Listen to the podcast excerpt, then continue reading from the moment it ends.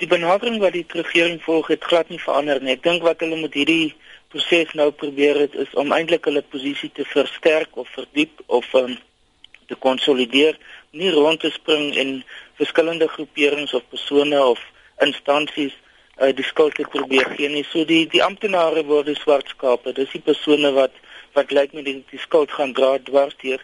Ehm um, en dan natuurlik ek dink die punt wat wat baie sterk in hierdie perskonferensie uit weer weer eens uitgekom het is die feit dat die TC president Zuma as glad nie by dit betrokke nie en selfs die ministers is glad nie daarbey betrokke nie.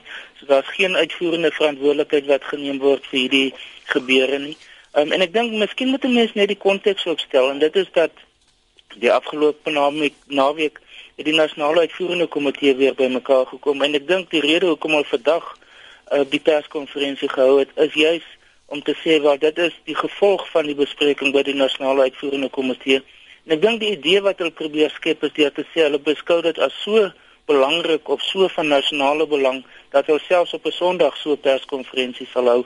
Wat ek dink nie noodwendig die geval is nie, maar dis 'n idee weer eens om te sê die regering probeer soveel as moontlik die die saak aanspreek, maar terselfdertyd dan sê um, die minister uh, Jeff Radebe wel nou weet ons die waterstoof is nie 'n nasionale sleutelpunt nie.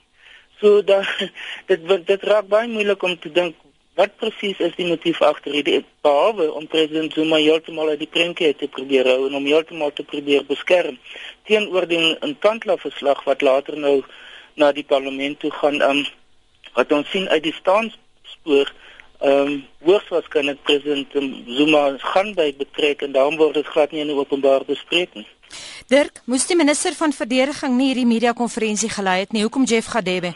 Wel die die verklaring wat gegee word daarvoor is dat daar is 'n ek weet nie wat die Afrikaans is nie, maar die kluster, die regeringskluster vir sekuriteit en en en justisie uh, word deur Jeff Gadebe gelei. Hy is die voorsitter daarvan en as gevolg daarvan praat hy eintlik namens die hele groepering van ministers en nie in sy eie hoedanigheid as minister van justisie en konstitusionele ontwikkeling.